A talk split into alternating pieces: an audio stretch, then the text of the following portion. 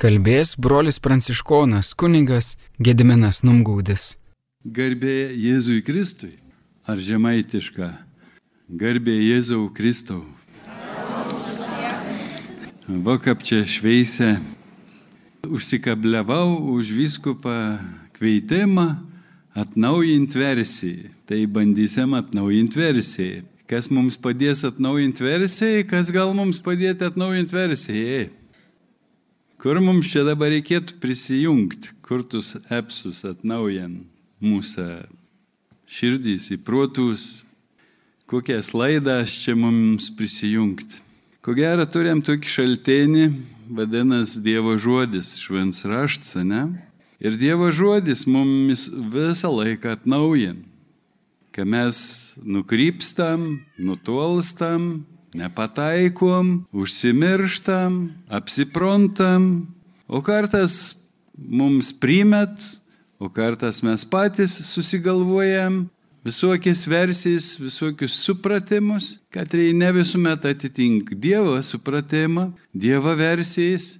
Ir tada kils nesusipratimą, nesusišnekėjimą, mes prašom Dievalį kažko, o jis mūsų negird, nesišnek su mumis ir lygų supykęs, kas čia ir mes apsikaltinę, neverti tokie jautamės. Bet paskaičius pranašą Izaiją gaunam atsakymą, gauns didelę liūdnus dėl to, kad mes nesiklausom anuo žodį. Mes teisam Janau rankas, mes ilgą meldamės, mes aukojam aukas, mes visokius dalykus darom, o Deivalis sako, nesiklausysiu, nusisoksiu ir nors jūs ilgą prašysit, aš neatsileipsiu. Dėl to, kad žmonės nesiklausot. Nu va, tai pabandykim šiandien pasiklausyti dar kartą Deivalį, kuntas Dievo žodis sako, viskup skaitė tekstelį iš Jokūbą. O aš pamislėjau, aš pratęsiu tau tekstoką, kur vyskups nutraukė. A galim tai padaryti. O ku ten toliau Jokubs šnekėjai? O toliau nuo 21 eilutės gal jau pradėjo atsinešti šventą raštą su savim. Ir čia gal turėt, kas turit telefonę šventą raštą? Galėtum atsiversti ir tikrinti manim, kad klaidų nepadaryčiau skaitydams arba kaip nors jūsų nesuklaidinčiau. Argi nedarbais buvo nuteisintas mūsų tėvas Abraomas aukodamas savo sūną Izaoką ant aukuro. Matai, tikėjimas veikia kartu su jo darbais ir darbai tikėjimą padarė tobulą. Taip išsipildė rašto posakis. Abraomas patikėjo Dievu ir tai buvo jam įskaityta teisumu. O jis pramintas Dievo bičiuliu. Matote, kad žmogus nuteisinamas darbais, o ne vienu tikėjimu. Taip pat ir paleistuvė Rahaba, argi ji nedarbais buvo nuteisinta, kai priėmė pasiuntinius ir kitų kelių juos išleido. Kaip kūnas be dvasios miręs, taip ir tikėjimas be darbų negyvas. Mes čia turim kažkokį reikaliuką su nuteisinimu. O kaip mes suprantam nuteisinimą? Turit kas poreikį būti nuteisinti? Aš turiu, kas daugiau su manimi turi reikalą būti nuteisinti. Supratau, visi kiti jau nuteisinti. Čia mes keli tokie esam, kur dar nesam nuteisinti. Arba siekam nuteisinimą, o gal tai ir nuolatinis siekis. Atep vieną kartą nuteisina viskas. Jau dabar vakščiojam visi teisė. O gal mums teisoms dar asocijuojas ir su šventumu ir visokių čia galbūt reikalų. Paskaitysiu jums kietą tekstoką. Biškiai aš jums dabar sukelsiu problemų. Iš laiško romiečiams, trečios skyriaus, 21 eilutė vėl.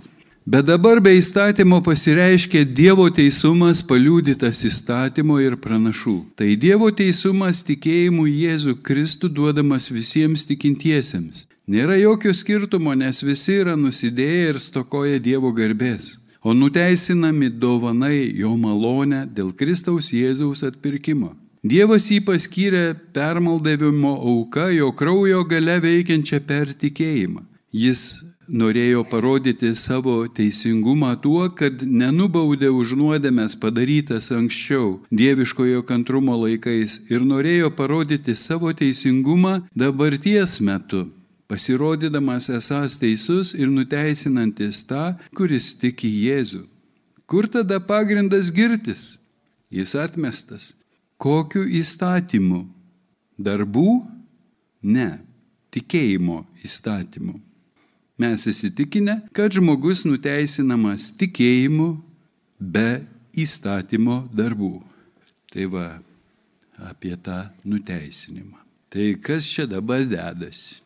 Kai kurie krikščionys buvo momentas, kada visiškai atsisakė skaityti Jokūbo laiškus ir buvo net iš kanono išmetę kaip prieštaraujančius apaštalo Pauliaus laiškams ir savo šventuose raštuose neskaitė to teksto. Taip panašiai kaip žydai ortodoksai vengia užsukti į Izaijo pranašystę 53 skyrių. Nepatogus tekstai būna šventam rašte, kurie sukelia problemų. Taigi, ką čia viešpats norėtų mums šiandien pasakyti? Kas negerai su mūsų darbais? Ir klausimas, ar tai yra įstatymo darbai, ką mes darom, ar tai yra tikėjimo darbai, ar šiaip nesąmoningi darbai. Kuo skiriasi tikėjimo darbai nuo įstatymo darbų?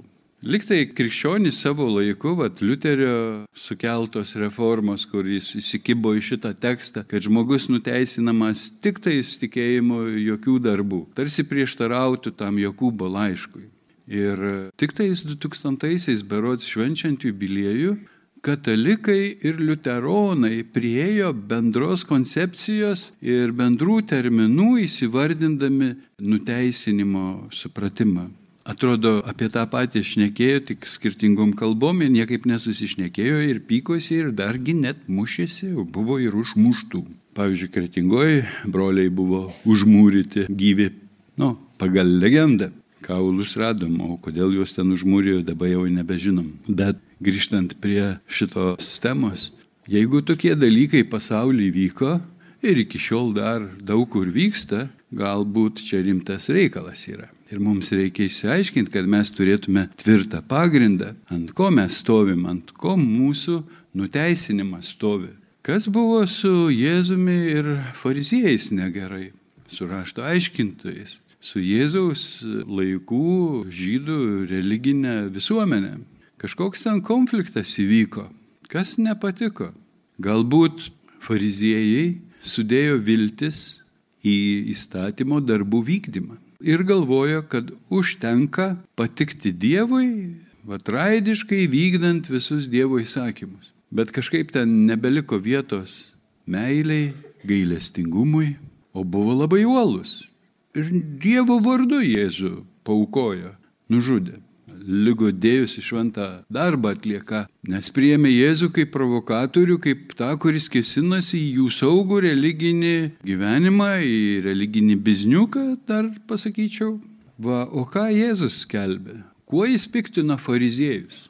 Fariziejai didžiavosi savo gyvenimo būdu. Jie tikrai buvo pavyzdingi, religingi vyrai, Daug meldėsi, viešai meldėsi, rodė tautiečiams gražų tikėjimo pavyzdį, religingą atributiką, guzikai ten padidinti, viskas buvo kaip Jėzus užsimena, bet nerado kalbos su Jėzumi. Jėzus sakė, nedemonstruok savo pamaldumą, melskis slaptoje savo tėvui, kad tėvas, matantis, girdantis slaptoje, tave išklausytų. Atrodo, kad žmonės buvo pasinešę į tokią vat, garbę į savo nuosavo teisumo kūrimą pagal savo supratimą per įstatymų vykdymą, per ritualus, per aukojimus, bet nelabai pasitikėjo Dievo meilę. Ir kai Jėzus skelbė nuodėmio atleidimą paralyžiuotajam ar kokiam kitam, jie piktinosi kaip jis čia dabar turi teisę nuodėmės atleisti. Tas žmogus net neparodė, atrodo, jokio rimto atgailos ženklo, o jis jau jam atleidžia nuodėmės. Ir dar Jėzus per šabą laužo šabo įstatymą. Kaip tik šabas, taip jis specialiai gydo, kaip užsuktas. Liktai specialiai erzintų. Kalba apie malonę kalba apie Dievo meilę. Dievo meilę, kuri nenupelnoma, kurią Dievas myli mus nevertus, nenusipelniusius, nuodėmiai gyvenančius. Jis kelbė, Dievas taip pamilo pasaulį, jog atsiuntė savo sūnų, kad pasaulis nepražūtų, bet būtų išgelbėtas. Jėzus skelbė meilę. Ir čia va kažkaip ta Dievo meilė konfliktuoja su tuo religiniu pasauliu, kuris sudėjęs viltis į savo nuopelnus, į savo nuosavo teisumo kūrimą. Na gerai, panagrinėkim truputį savoką - teisumas. Kas yra teisus? Vat šventą raštą Senąjį testamentą skaitant, bet ir naująjį apaštalą Paulių, ypatingai skaitant apie Abraomą ir patriarchus, jis ten kalba, kad tas ir tas jiems buvo įskaityta teisumo. Jie buvo teisėjai. Jokūbas tas pats sako, daug gali teisiojo karšta malda. Taigi, kas yra teisumas? Ar turit supratimą apie teisumą? Kada jūs vartojat žodį teisus, neteisus? Dažniausiai, kai ginčiamės, ne, kai vyksta ginčas, mes sakom viens kitam, tu neteisus. Buvo taip, ne, buvo taip. Aš geriau žinau, tu neteisus, tu melagis, tu meluoji ir panašiai. Kai mes viens kitą laikom neteisiu, mes dažnai viens kitą apšaukiam melagiu. Bet žmogus nebūtinai meluoja, gal jis klysta tiesiog be blogos valios. Arba tą pačią situaciją jis matė iš kitos pusės ir matė kitas detalės, kurių tu nematėjai. Ir mes ginčiamės dažnai dėl tų detalių, ginčiamės tikėjimo klausimais, ginčiamės dėl gėdojimo būdo bažnyčioje, dėl maldų ir panašiai, ar atsistojus, ar atsiklaupus reikia melstis, garbinti Dievą ir panašiai. Ir čia net iki karų daina. Ir turim tokią vieną bažnyčią, kuri vadinasi pravoslavnaja, teisingai garbinanti, ne? Tuo pačiu ta bažnyčia lygoje sako, kad visi kiti yra neteisingai garbinantis eretikai, klaidatikiai, atskirti ir, kaip sakau, gali dėl to žudyti kartais. Kur tada Dievas? Ar jis labai prisirišęs prie kokio nors vieno šlovinimo būdo? Jeigu jis daro pasaulį visą naują, jeigu jis sukūrė daugybę skirtingų tautų, kalbų ir su skirtingom tradicijom, kodėl turėtų visi vienodai įgarbinti? Gal tame yra grožis, kad kiekvienas garbina Dievą savo būdu ir visi sudaro vieną gražią garbinimo puokštę.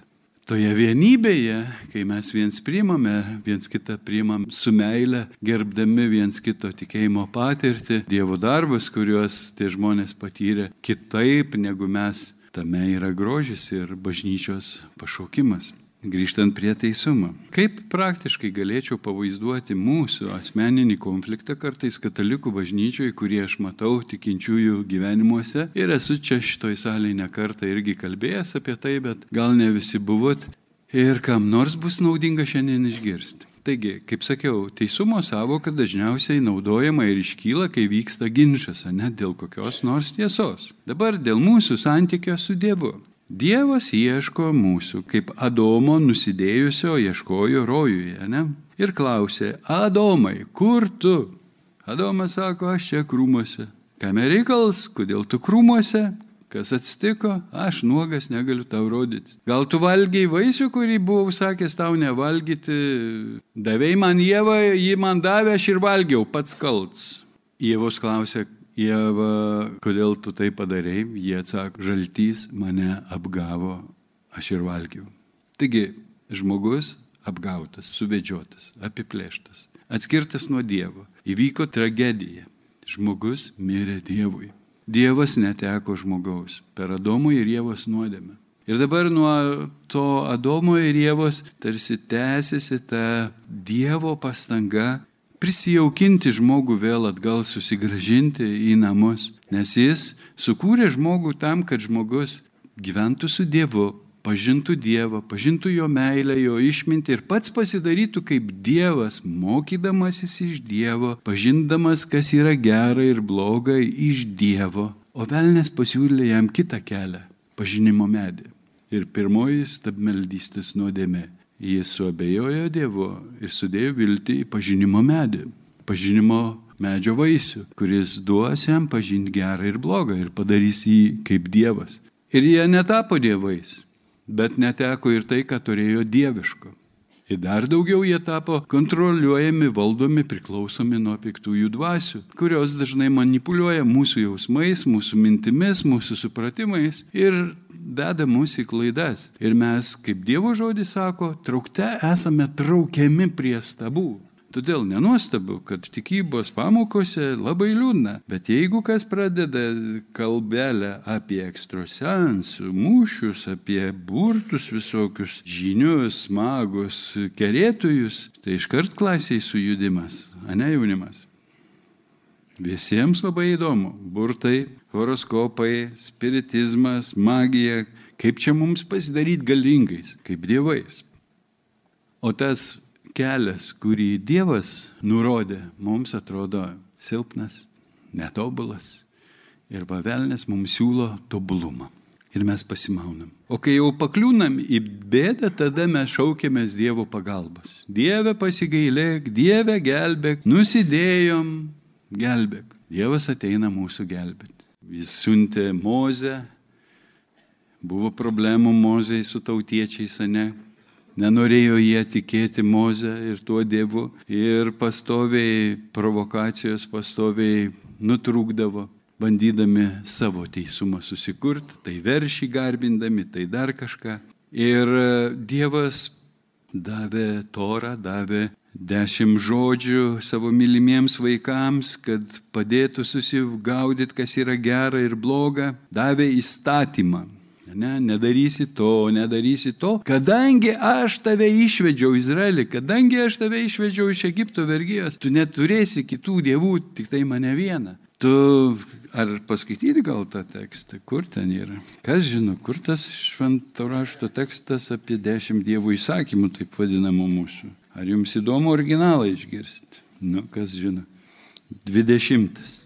Tada Dievas ištarė visus šiuos žodžius. Aš esu viešpats tavo Dievas, kuris išvedžiau tave iš Egipto žemės, iš vergijos namų. Neturėsi kitų dievų, tik tai mane. Nedirbsi savo drožinio, nei jokio paveikslo panašaus į tai, kas yra aukštai danguje, čia žemėje ir vandenyse po žemę. Nesilenksi jiems ir negarbinsi jų, nes aš viešpats tavo Dievas esu pavidulingas Dievas, skiriantis bausmę vaikams už tėvų kaltę iki trečios ir ketvirtos kartos tų, kurie mane atmeta, bet rodantis ištikimą meilę iki tūkstantosios kartos tiems, kurie mane myli ir laikosi mano įsakymų. Nenaudosi piktam viešpatie savo Dievo vardo, nes viešpats nepaliks nenubausto to, kuris naudoja piktam jo vardą. Atmink ir švesk šabo dieną. Šešias dienas triūsi ir dirbsi visus savo darbus, bet septintoji diena yra viešpaties tavo Dievo šabas. Nedirbsi jokio darbo, nei tu, nei tavo sūnus, ar duktė, nei tavo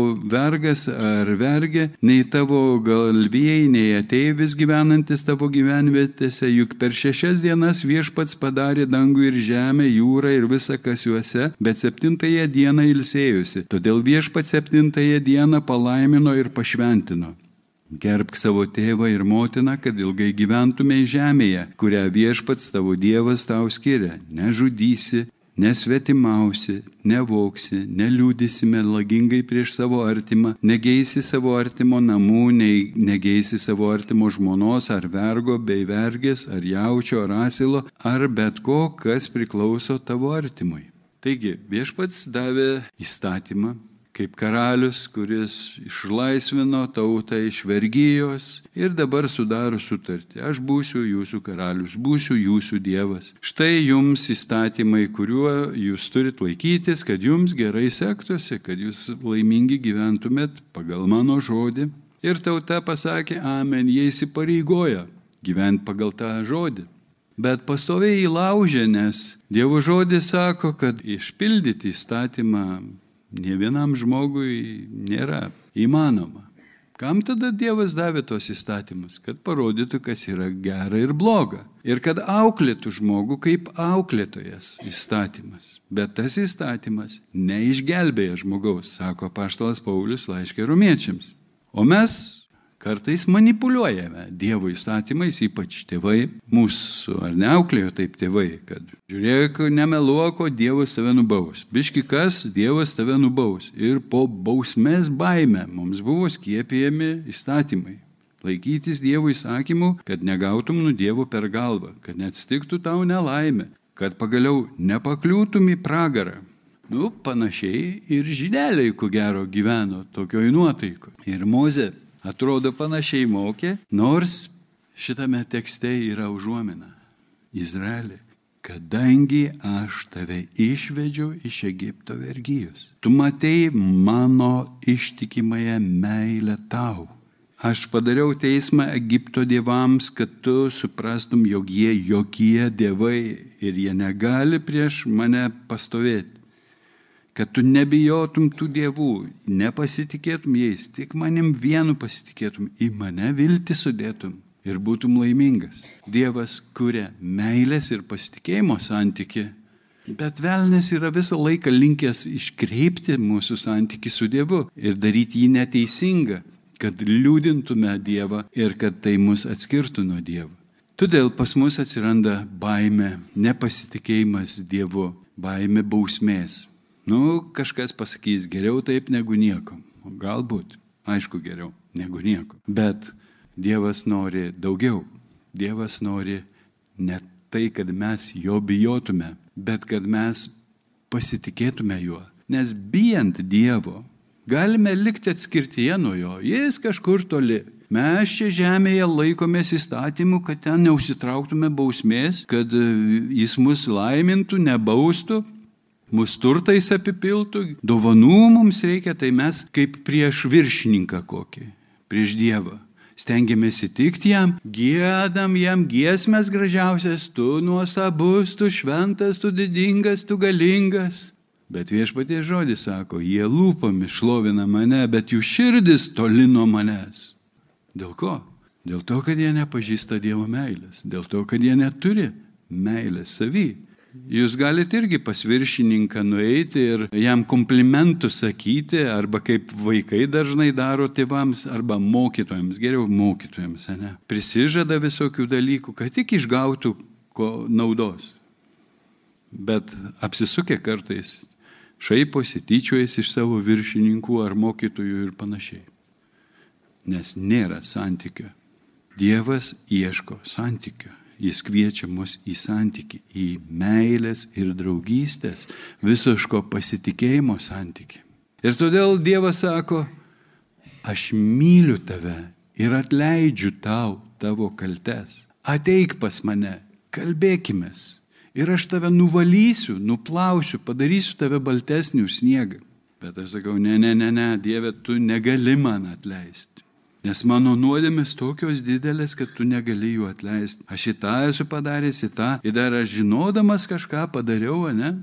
Žinodamas, kad negalima tą daryti. Ir velnės bado mane pirštais, nes jis yra prokuroras ir kaltintojas. Demonas graikiškai reiškia kaltintojas, prokuroras, kažkas tokio. Arba satana, satan hebrajiškai, kaltintojas. Taigi, jis kaltina mus Dieną ir naktį, kaip apokalipsės knygoje parašyta, kaltina brolius Dievui. Dieną ir naktį. Ir kaltina mane, man pačiam, jis sako, tu brūdas, tu šioks, tu toks, tu nevertas, tu nedrįsk rodytis Dievo akivaizdoj. Ir piktasis dažnai forsuoja, atrodo geram darbui, kad tu nusipelnytum. Įstatymo darbais, religingom apygom, o dažniausiai kyšiais, ne, mes papirkinėjom korupcija, su kuo pasaulis niekaip nesusiduroja. Duodam kyšį, kad gaučiau daugiau. Ateina pas merą ir siūlo kišiuką, kad prastumt kokį projektėlį. Ne? Verslininkai irgi visokių būdų turi, kaip ir reikia vyrukams stovėti tvirtai, kad nepasiduotų tokiai provokacijai, o gundimas stiprus, ne? Ir kas gali atlaikyti tokį gundimą?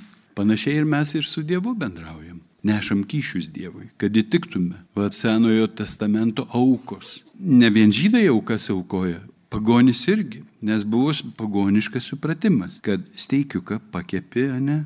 Ir visiems taip gera pasidaro nuo steiko kvapo. Tai ir dievai ten apsals, tai sako, nu tiek to, šiandien to vyruko nebausim. Ne? Toj sąmoniai įsivysto pas mus va toks santykis su Dievu. Atnešiu auką, padarysiu tą ir tą ir panašiai. Kažkoks yra senas anegdotas apie atlaidus, apie indulgencijas, kai buvo perkamos. Nežinau, kas sugalvojo tą, bet gal čia iš gyvenimo. Yra pas mus tokių anegdotų apie čigonus, ne, gudrius žmogelius. Atėjo pas indulgencijų prekiautojus vienas žmogelis, jis sako, galėčiau nusipirkti indulgenciją už vagystę, už melą ir už dar kažką. Nu, ką darysi, tiek į tiek kainuos. O galėčiau nusipirkti indulgenciją už nusikaltimą, kurio dar nepadariau, bet ateityje padarysiu. Nu, pakraipė galvas indulgencijų prekiautojai, sako, nu, bet kainuos dvigubai. Nu, tiek to užsimokėjo dvigubai. Ir paskui jau tie indulgencijų prekiautojai su maišeliu pinigų grįžo į savo, kaip sakant, vienuolyną, pakeliui tas žmogelis jiems bum bum per galveles, pasiemė maišelį pinigų ir savo laimingas iškeliavo. Jis už viską apsimokėjęs. Suprantat, va, kas tame anegdote paslėpta? Ar nėra ir pas mus tokios įdos, kad mes ateinam pas Dievą su savo nuopelnais ir e, ypatingai galbūt kunigams yra pavojus, va, kai ateina žmogus šventinti kažką, kažką daryti ir ne visai ten teisingi dalykai atneša, pavyzdžiui, horoskopo ženklą. Nu, nes per krikštynas dabar katalikai gėdėjasi kryžių dovanoti, nes prisiklausė iš pagonių, kad kryžius tai blogas ženklas, mirties, nelaimė ženklas, todėl per krikštą nieku būdų negalima kryžiaus dovanoti. Tai dovanoja visokius balvonus, dovanoja angeliukus visokius pagoniškus, kuriuos paguglinus rastumėt kaip eros dvasia arba horoskopo ženklus. Ir kunigėliai krikštėje, nežiūrėdami ką krikštėje, bet tik pinigus moka. O jeigu pažiūrės, bus nepatogumų, reikės pradėti aiškinti ir dar pinigėliai gali nuplaukti panašiai. Ir visokie tokie dalykėliai kartais bažnyčioje taip įsigali, neįčia po truputį visokie klaidingi supratimai ir klaidingos praktikos. Mes ginčiame su Dievu. Dievas sako, aš myliu tave, aš tau atleidžiu. Aš Jėzų Golgotui paukojo. Apaštalas Paulius sako, jeigu Dievas nepagailėjo savo mylimo sūnaus, kaipgi jis visko kartu su juo nedovanotų, kas be kaltins, jeigu jis nuteisina.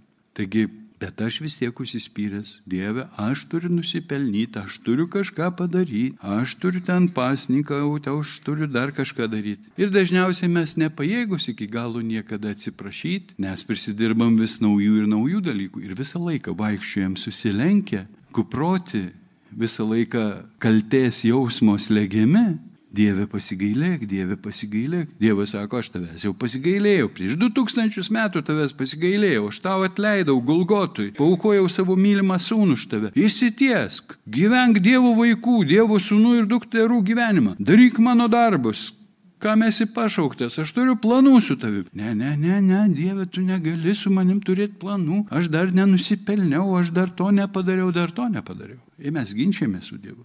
Ir tokiu būdu mes Dievą darome melagiu.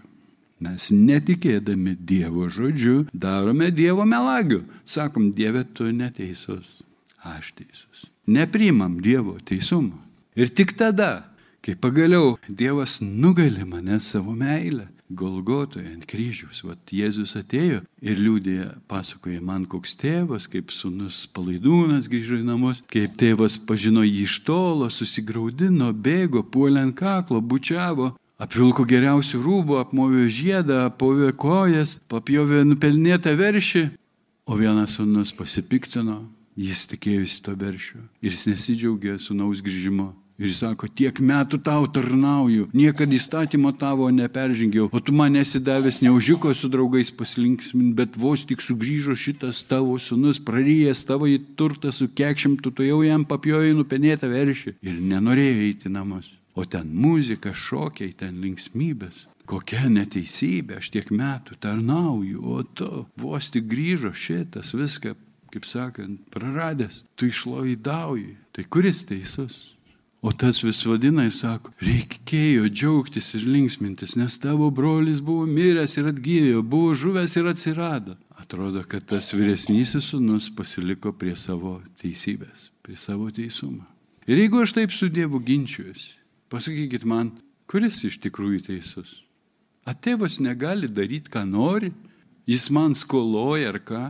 Negali man taip paprastai atleisti, nes aš netleidžiu taip paprastai. Pas mane turi ateiti, atsiklaupti, bučiuoti kojas, verkti, kažką daryti, žemintis. patenkinti mano puikybę, tada aš gal atleisiu. Mes tą patį norim permės Dievui, tą patį santyki, savo pagadintą, šetonišką santyki. O Dievo meilė santykio, kuris trokšta vieno, kad aš būčiau su juo, kad aš būčiau laimingas, išlaisvintas iš tų nesusipratimų, iš tų klaidų, nuodėmių, per kurias velnės mane atskyrė nuo tėvo ir vargina ir kankina mane. Tėvas trokšta, kad kiekvienas iš mūsų būtume laimingi. Ir jis atsiunčia Jėzų. Jėzus kelbė meilę, aš sakau, tu melagis, ant kryžiaus jį. Bet Jėzus nepasilieka ant kryžiaus, jis vėl ateina pas mane, rodo pervertą delną ir sako, žiūrėk, Gedaminai, kaip tėvas tave myli, ką dar turiu padaryti, kad tu patikėtum tėvo meilę. Ir čia aš nugalimas. Kai aš patikiu jo meilę, aš verkiu ir sakau, tėve atleisk man, buvau neteisus.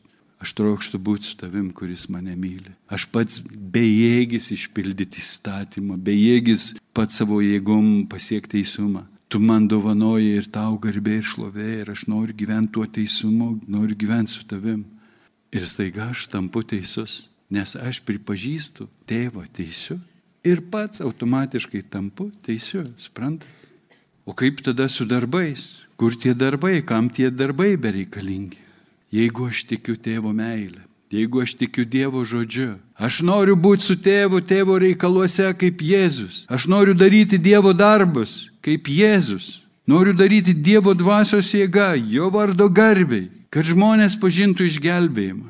Aš jau nebeabejingas tėvui. Jeigu aš abejingas Dievo karalystėje, tai turiu iškelti klausimas iš vis, ar aš gyvas, dvasioje, ar aš atgimęs, ar aš pažįstu tėvą, ar aš esu su tėvu. Jeigu ne, tai kur aš esu? Jeigu man nerūpi tėvo reikalai, jeigu man nerūpi Dievo karalystė, jeigu aš gyvenu tik savo. Apaštalas Paulius sako, aš nebe savo gyvenu, bet tam, kuris už mane numirė ir prisikėlė. Ir mes žinom apaštalo Pauliaus uolumą kiek jis iškentėjo dėl viešpaties, kiek jis stebuklų padarė, bet jis nesididžiavo tais darbais, nesididžiavo stebuklais, jis šlovino viešpatį. Ir sakė, esu nenaudingas tarnas, padariau tai, ką turiu daryti, vargas man, jeigu aš to nedaryčiau. Ar suprantat, kame yra skirtumas? Kai aš sudedu viltis į įstatymo darbus, į ritualus, bet ne į gyvą į Dievą, ne į jo meilę, o į savo darbus, į savo nuopelnus aš pakliūnu į bėdą. Dar viena istorija, turėkit kantrybės, mano laikas jau baigėsi, bet Jeruzalė, aš kiekvienais metais keliauju su piligrimai, su Kuvadžio grupė ir paprastai mes baigiam Jeruzalėje, apeidami kryžiaus kelius, prie Kristaus kapo, pasitikrindami, kad jo ten nėra ir panašiai, paskui geriam kavą prie fontano Jeruzalės senamestį netoli bazilikos. Ir taip vieną kartą atsigėrus kavos, aš nusileidžiu ir einu patenkintas per miestą, čia taip gerai padirbėjęs savaitėlę Izraelį su piligrimais. Ir prieina prie manęs juodukas toks su lagaminu ir rodo man pirštų, sako, tu vienuolis? Nu, nesakau, aš brolis, nu gerai, brolis. Kaip galvoja, tu esi išgelbėtas? Nu, jo, sakau, aš galvoju, kad esu išgelbėtas po tiek va tokių gražių patirčių, jau, jaučiausi išgelbėtas. Ir jis man sako, pasakyk man dvi priežastis, dėl ko tu galvoji, kad esi išgelbėtas. Nu, aš sakau, nu, pirmiausia, aš myliu Dievą. Šypsosi tas jos dukas. Nu ir antras, sakau, mylėdamas Dievą, aš stengiuosi kažką daryti dėl jo. Jis sako, man ne. O, čia pavojus mano reputacijai. O da toks arabas senukas priejo, toks žvalgas ir, aha, kas čia yra? Ir jis man sako, tu esi išgelbėtas tik dėl to, kad Ješua už tave numerė ir prisikėlė. Ir man tai, bliu, lempos įsijungė, visus užsidegė. Staiga dangaus scenoje atsidūriau. Ir mes taip rankom sudaužėm. Sakau, geras, kiek aš kartų apie tai pamokslavau ir vėl ant to grėblio užlipau. Pats kitus mokau, pats vat, aš, aš. O Dievas, tarp kitko toks, žinai. Ne, jis yra viešpačių viešpats, tik jam garbė ir šlovė. Jo nuopelnas, kad jis mane atpirko ir ne mano nuopelnas, o kad aš turiu daryti darbus iš dėkingumo ir meilės jam. Tai man atrodo aišku yra. Tikėjimo darbai, jie plaukia iš tikėjimo. Kai tu tiki Dievo meilę, tu darai darbus. Aš norėjau jums dar laišką žydams paskaityti, bet jau pasibaigė mano laikelis. Jūs patys pasiskaitykit, ką tikėdami darė Abelis aukojo vertesnę auką. Kaip yra pas jūsų aukomis, ar jūs aukojat vertesnę auką, ar tai, kas jums atlieka, ar iš vis aukojat. Nes tai yra pirmasis tikėjimo žingsnis. Mes kunigai dažnai suklaidinam katalikus, dėjuodami, kaip mums trūksta pinigų elektrai, šilumą, ypač žiemą, ir iškreipiam santyki ir nebeaukojimas Dievui pasidaro, bet socialinis aktas - apsimokėti už šviesą, už šilumą, kad mums būtų patogu ir panašiai. O paskui dar skaičiuojam, kad ne viską klebonas čia atidavė, dar kažkur nusuko, kažką pabalevojo. O mums neturėtų tai rūpėti, jeigu aš Dievui paukojau, turėtų klebonas galbūt sudegintus pinigus. Ne jūsų reikalas. Paukoja, dingoje, viešpas priėmė tavo auką. Ar tokiu santykiu aš aukoju Dievui? Ar aš ateinu pas karalių dėkingas už gyvenimą, suprasdamas, kad viską, ką turiu iš jo esu gavęs ir dėkoju jam aukodamas vertesnę aukai kaip pabelis? Ar aš kaip nojus paniekinau šio pasaulio papročius, tikėdamas Dievo žodžiu, Dievo meilę, būdamas išjuoktas, stačiau dykumoji arką, tikėdamas jo žodžiu. Jūs čia atėjote į šią salę, kaip čia kažkas iš vaikinų sakė, savo norų, jūsų tarpe kilo samišis, va, ne visi savo norų čia esat aiškiai, bet gal jau dabar netai blogai, kad jūs čia privertė, ką. Gal ateisite kitą kartą jau savo norų, ne, pabandę, kad toj arkoj čia netai blogai, kad jūs nelabai ką praradote, o galbūt atradot daugiau ir va, tai išsigelbėjimas. Ir visi tie patriarchai, jie tikėdami kažką darė ką aš darau tikėdamas. Henokas vaikščiojo su Dievu, visur vaikščiojo su Dievu, arė laukus su Dievu. Ir vieną dieną jį paėmė, žmona ten skambino į petelnę, kai grįžtų visi iš laukų, Anochas negryžo. Viešpats sako, Anochai, gal šiandien pietų pas mane, Anochas sako, niekada nebuvau. Ir atrodo, jam ten patiko, jis ten nebegrįžo. Tai va, linkiu ir jums vaikščioti su Dievu, aukoti vertesnę auką ir nebijoti daryti tikėjimo žingsnius kaip Abraomas, įsitvirtinkim viešpatį kaip Abromas, įsitvirtinkim tikėjime, teikdami jam garbę ir šlovę. Aleliuja! Girdėjome brolio pranciškono kunigo Gedimino Numgaudžio mokymą apie nuteisinimą.